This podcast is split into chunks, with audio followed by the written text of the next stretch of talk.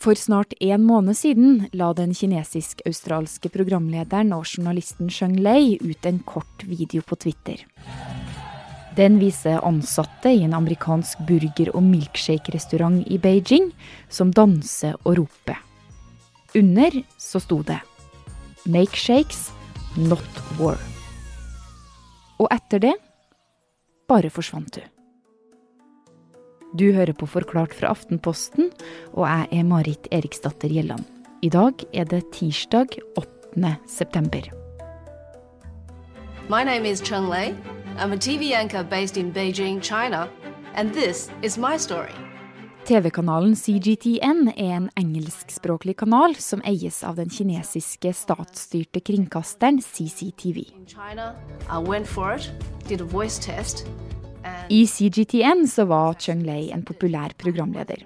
Så populær at hun bl.a. stilte opp i denne reklamefilmen for å studere i Australia. in sunny Brisbane. Australian education and Australian cultures and values are all enmeshed together, and that means a lot of respect for freedom, Hun delte òg ut priser og satt i debattpanel. Men nå finnes det ingen informasjon om hun ut på nettsidene til TV-kanalen der hun jobber. Og de har fjerna hun fra alt av sosiale medier. Det vi vet var at hun var en ganske populær eh, TV-journalist i denne statlige kinesiske kanalen. Kristoffer Rønneberg er utenriksjournalist og tidligere Kina-korrespondent i Aftenposten, og så er han ofte innom her i Forklart. I Kina så er det ikke helt uvanlig at folk blir borte. Men de som forsvinner, er ofte regimekritikere og kinesiske statsborgere. Men Cheng Lei hun jobba jo for kinesisk statlig TV, og ikke bare det. Hun er òg australsk statsborger. Hun var kjent for å være flink til å utnytte de begrensningene som er i det statlige apparatet, for det er jo veldig få ting hun kan snakke om av sensitive temaer. Men hun var god på det å gjøre det meste ut av de begrensede forholdene hun jobbet i. Hun var jo australsk og kom fra et sted med, med fri presse og med ytringsfrihet. Og hun tok med seg noe av det inn, og var ikke den typiske kinesiske propagandisten. Hun var flink til å, til å gjøre det meste ut av situasjonen hun var i. Og eh, hvor spesielt er det da at en TV-host fra utlandet forsvinner i Kina? Altså, Det er veldig uvanlig at eh, journalister blir anholdt på denne måten her, og spesielt når de er utenlandske statsborgere. Det Kina har gjort en del av i det siste, spesielt overfor amerikanske journalister, er å kaste dem ut av Kina eller si at de ikke får tilgang til Kina. Men det å anholde noen på den måten her, det er veldig uvanlig. så Kristoffer, hva vet vi om det som har skjedd med henne? Vi vet veldig lite. Vi vet at hun var på jobb eh, rundt 11. august, og så vet vi at noen dager senere så fikk australske myndigheter beskjed om at hun var tatt i myndighetenes forvaring. Vi vet ikke hvor hun ble plassert, vi vet ikke hva hun er eventuelt eh, tiltalt for, eh, og hvorfor hun ble arrestert.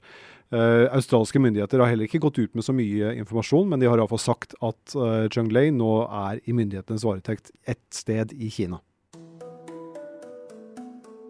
Prominent business anchor working for Chinese state television has been detained. Cheng Lei is also who's been detained in China without charge by authorities. Our Det er hemmelig akkurat hvor Cheng Lei blir holdt fanga. Kinesiske myndigheter sier hun er under overvåkning på et egnet sted. Du har jo i teorien et rettssystem i Kina hvor du eh, blir arrestert, og så blir du tiltalt og, og kanskje mm, sannsynligvis dømt. Men i tillegg til dette så har de et system utenfor eh, det offisielle rettsvesenet hvor man kan anholde noen i opptil et halvt år uten at eh, man får tilgang til, eh, til familie eller advokat eller eh, noe som helst. Eh, og da er det ikke uvanlig at folk blir eh, torturert, eh, at de blir veldig dårlig behandlet mens de er i disse mange kaller det svarte fengsler, eh, helt utenfor resten av verden. Men altså, Kristoffer, det er fortsatt ganske uklart for meg. Hvorfor havna hun her? Hvorfor ble hun borte? Har hun gjort noe for å provosere Kina, eller kan det være en annen grunn? Man kan jo lure på det, og med så lite informasjon vi har, så er det lite annet vi kan gjøre enn å spekulere. Det vi vet, er at hun uh, jobbet eh, for dette statlige TV-selskapet. Hun var en populær uh, person både profesjonelt og, og, i det store utenlandske miljøet i Beijing. Hun uh, har ikke gjort noe eller sagt noe offentlig som, som, gir, noe grunn til å tro at hun, uh, som gir oss noen grunn til å tro at hun, hun ble anholdt. Så det man uh, kan tenke seg, og som er blitt spekulert om i australske medier og blant menneskerettighetsorganisasjoner, er at dette her er en form for straff mot Australia. Så ikke nødvendigvis mot henne men fordi kinesiske myndigheter er veldig irriterte på australske myndigheter for tiden. Dette er en diplomatisk uh, konflikt som har blitt verre og verre de siste par årene. Så som en konsekvens av det dårlige forholdet mellom landene, så har Kina arrestert en av Australias borgere, på lik linje som det er gjort med to canadiere for noen år siden. Og nå pågår det en intens jobb med å få henne tilbake til Australia. We're working through uh, details uh, in terms of uh, the consular assistance that uh, that we can provide, and uh, and we will give uh, all assistance that we can. Obviously, this is a concerning time for her family, and that's why we will continue to provide every bit of assistance that we can within the usual. Australske myndigheter har også advart sine borgere mot å reise til Kina. Det at uh, kinesiske myndigheter velger å anholde en utenlandsk statsborger på denne måten, det hadde jo vært problematisk uansett, men det er kanskje ekstra problematisk akkurat nå.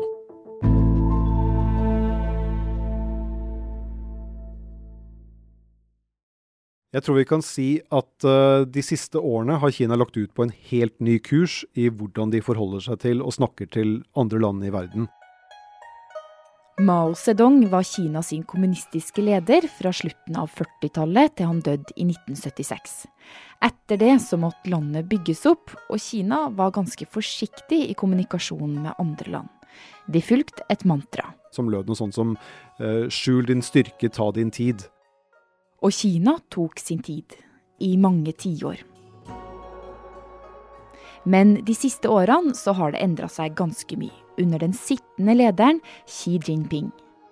Og Kina er nå veldig synlige på verdensarenaen, og det er veldig tydelig hva de ønsker.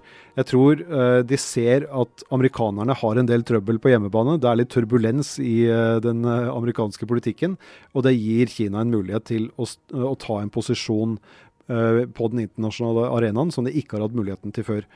Og Derfor så har de vært veldig veldig aggressive overfor enkeltland. Um, overfor Sverige, nå i vårt nabolag uh, i løpet av det siste året. Overfor Australia. Uh, overfor en rekke land så, så, har de tatt en ny tilnærming hvor de sier veldig tydelig fra at uh, vi er en stormakt, dere er det ikke. Men akkurat nå så har Kina litt trøbbel. De er midt i en handelskrig med USA, noe som rammer dem økonomisk, og har ført til at forholdet til amerikaneren har blitt ordentlig surt. Jeg tror eh, da Xi Jinping la ut på denne nye eh, politikken hvor Kina skulle vise større styrke, så regnet ikke med at USA skulle slå så hardt tilbake som hva Donald Trump har gjort. Det har vært en total eh, snuoperasjon i det, den amerikanske tilnærmingen til Kina. Og Trump har vist at uh, han kommer ikke til å gi opp USAs posisjon i verden uten kamp. Så da frykter Kina at europeiske land vil gjøre det samme som USA. Europa er jo en litt spesiell posisjon, fordi vi er avhengig av USA for sikkerheten vår, og samtidig så ønsker vi billige produkter fra, fra Kina. Så de fleste europeiske land har sittet litt på gjerdet og prøvd å ikke kritisere verken Kina eller USA for mye. Men nå er amerikanerne kommet så langt i sin nye tilnærming og sin strengere, mer aggressive tilnærming til Kina, at kineserne frykter nok at flere europeiske land også skal bli mer kritiske. Så derfor har den kinesiske utenriksministeren dratt rundt i Europa på en liten sjarmturné. Og det er helt tydelig at Kina ønsker å ha Europas støtte, i hvert fall ikke uttalte motstand i en del av de kampene som de ser nå fremover, hvor Kina og USA kommer til å stå på hver sin side av en konflikt som garantert kommer til å bli større. Kina sin utenriksminister Wang Yi er på vei opp trappene i statsministerboligen. Erna Solberg hilser med hånda på brystet og smiler stort. Kanskje ikke så rart, for det her er første gangen på 14 14 år en kinesisk utenriksminister er i Norge. Et tegn på at Norge er inn i varmen igjen. For etter at den kinesiske menneskerettighetsforkjemperen Liu Xiaobo fikk Nobels fredspris i 2010, så tok besøkene slutt. Norge var i fryseboksen, både politisk og diplomatisk. Men så, litt etter litt, har forholdet bedra seg. Og i slutten av september var altså den kinesiske utenriksministeren i Norge i forbindelse med sjarmturneen i Europa. Kinas utenriksminister Wang Yi kom i dag på offisielt besøk til Norge. Det vi har fått beskjed om er at Wang Yi vil svare på to spørsmål fra en samlet norsk presse. Og så En av dem som var der, det var jo deg, Kristoffer. Mm. Norsk presse fikk bare to spørsmål samla, mm. så du fikk ett av de to spørsmålene. Ja, altså vi hadde en, eh, en liten diskusjon på, på forhånd om, eh, om, hvem som skulle stille spørsmål, og hva vi skulle spørre om. Ja, Hvordan endte det opp med at det ble deg, da? Vi, uh, Alle var enige om at du var Du var håndbak. um, my question is for Foreign Minister Wang. Um, in 2010, uh, China uh, was furious with Norway after Liu Xiaobo received the Peace Prize. This year, a member of the Norwegian government Det jeg lurte på, det var et uh, Guri Melby fra Venstre, som uh, nå sitter uh, som kunnskapsminister, hun har nominert demokratibevegelsen i Hongkong til årets Nobels fredspris. What would be the reaction of the government of the People's Republic of China if uh, the democracy activists Så Derfor var jeg litt uh, nysgjerrig på hva, hva, den kinesiske utenriksministeren syns om det.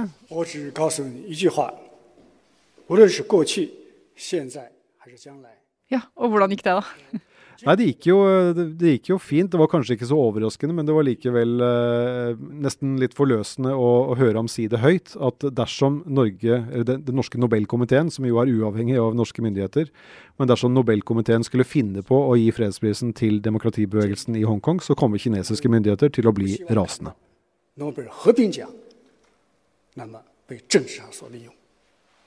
Var det akkurat det han sa?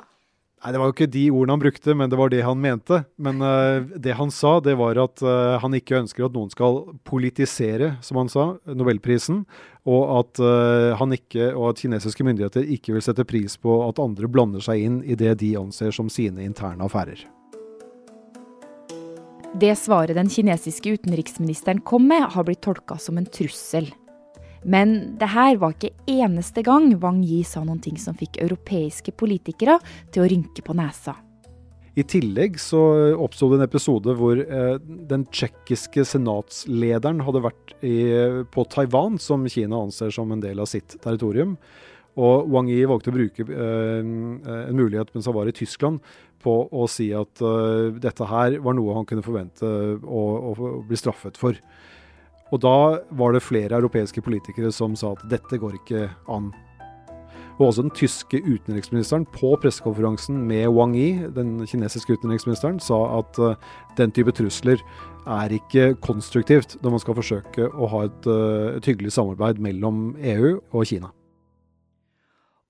Og midt oppi alt det her, så har vi jo også den her australsk-kinesiske journalisten som vi starta hele episoden med. Altså, Hvorfor pågrep de hun hvis de trenger sympati med Vesten, Kristoffer?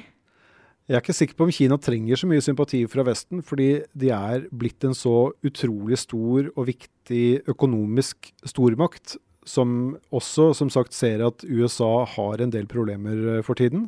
Og det gjør at den amerikanske innflytelsen i en del andre land svekkes, eh, mens Kina da kan eh, få en større innflytelse.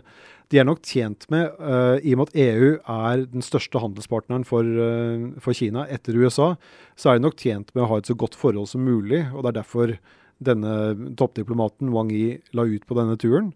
Men uh, Kina er et pragmatisk land, og de finner løsninger som, som passer dem.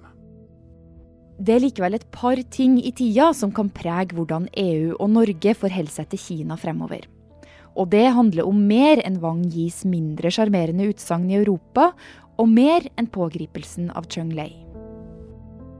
Det første er behandlinga av den muslimske minoritetsbefolkninga i Xinjiang-provinsen, nemlig uigurene.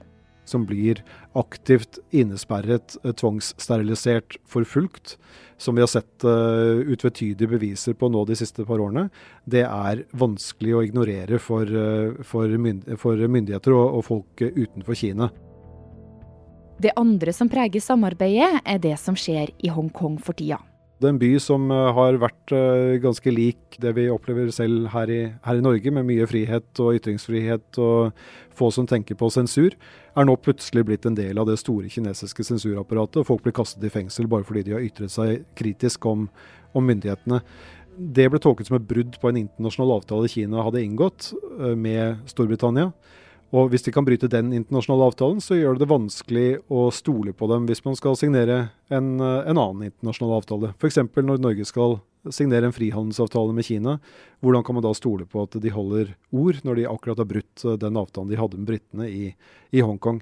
Så det er nok blitt vanskeligere for Kina å ture fram og oppføre seg som, som, de gjorde. Men samtidig så er penger en veldig viktig kraft i uh, internasjonal uh, politikk og i forholdet mellom land. Og det vil også ha en veldig stor innflytelse på hva som skjer videre nå. Og penger, det har Kina nok av? Kina har masse, masse penger, og de er fortsatt uh, gode på å utvikle og produsere ting som vi gjerne vil kjøpe utenfor Kina.